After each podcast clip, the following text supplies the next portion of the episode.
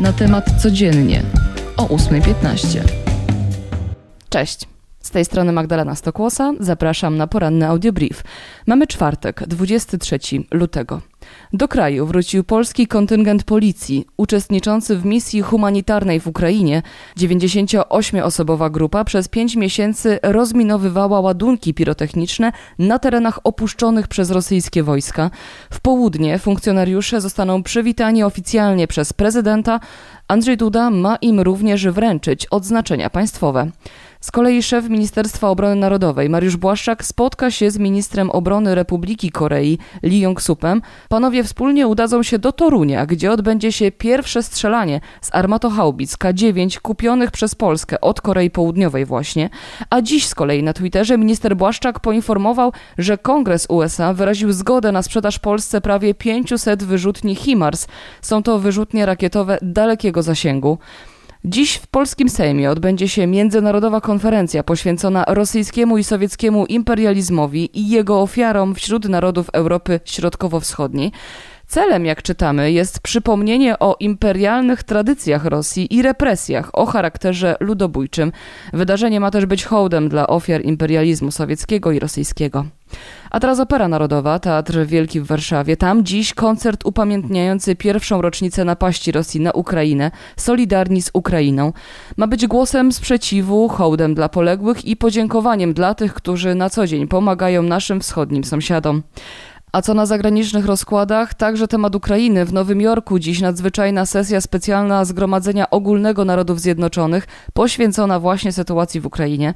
Wśród mówców minister spraw zagranicznych RP Zbigniew Rau i sekretarz stanu USA Antony Blinken. Czas na sport i przenosimy się do Planicy. Tam dziś pierwsze skoki na Mistrzostwach Świata i zaczynamy od treningów, które rozpoczną się chwilę po południu. Jak wiemy, nasi zawodnicy mieli teraz dwa tygodnie przerwy, nie startowali w zeszłym tygodniu w Rasnowie, robili przerwę, zbierali siły, bo Słowenia to zawsze ważne zawody. Jutro kwalifikacje, w sobotę walka o medale. Z kolei Iga Świątek świetnie radzi sobie na turnieju w Dubaju. Polka pokonała Rosjankę Ludmiłę Samsonową 6-1, 6-0 i awansowała do ćwierćfinału. Jutro czeka ją starcie z Czeszką Karoliną Pliskową. Do 2030 roku depresja będzie najczęściej występującą chorobą na świecie, ostrzega Światowa Organizacja Zdrowia. Dlaczego o tym mówię? Bo dziś w Polsce obchodzimy Dzień Walki z Depresją. W naszym kraju w ostatnich prawie 10 latach o 59% wzrosła sprzedaż leków przeciwdepresyjnych. Choroba ta ma różne oblicza, objawia się nie tylko smutkiem czy brakiem zainteresowania czymkolwiek. Jednym z najczęstszych objawów jest brak energii oraz zaburzenia snu, także niepokój, poczucie winy, utrata poczucia własnej wartości, a nawet sensu istnienia. Często pierwsze objawy pozostają niezauważone nie tylko przez bliskich, ale nawet przez samych pacjentów. Dlatego warto w tym dniu porozmawiać o depresji. Może z osobą bliską, może z kimś, u kogo zauważyliśmy pierwsze objawy, a może jeżeli sami potrzebujemy pomocy, to warto udać się do specjalisty. Istnieje też wiele form wsparcia anonimowego, m.in. kryzysowy telefon zaufania pod numerem 116 123. Powstał on właśnie z myślą o osobach, które z różnych powodów nie mają możliwości bezpośredniego kontaktu z psychologiem.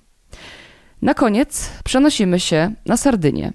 Tamtejsze władze nie potrafią poradzić sobie z plagą szarańczy. Do walki z nią zaangażowano w tym roku również wojsko i drony, bo jak się okazuje w ostatnich latach e, włoska wyspa nękana przez te owady poniosła straty w plonach, które szacuje się na uwaga 100 milionów euro. Szarańcza uaktywnia się na wiosnę i właśnie w lecie. Specjaliści szacują, że jeśli nie zostanie powstrzymana na czas, zniszczone może zostać nawet 100 tysięcy hektarów upraw. I to na dziś wszystko. Magdalena Stokłosa, dzięki i do usłyszenia. Cześć.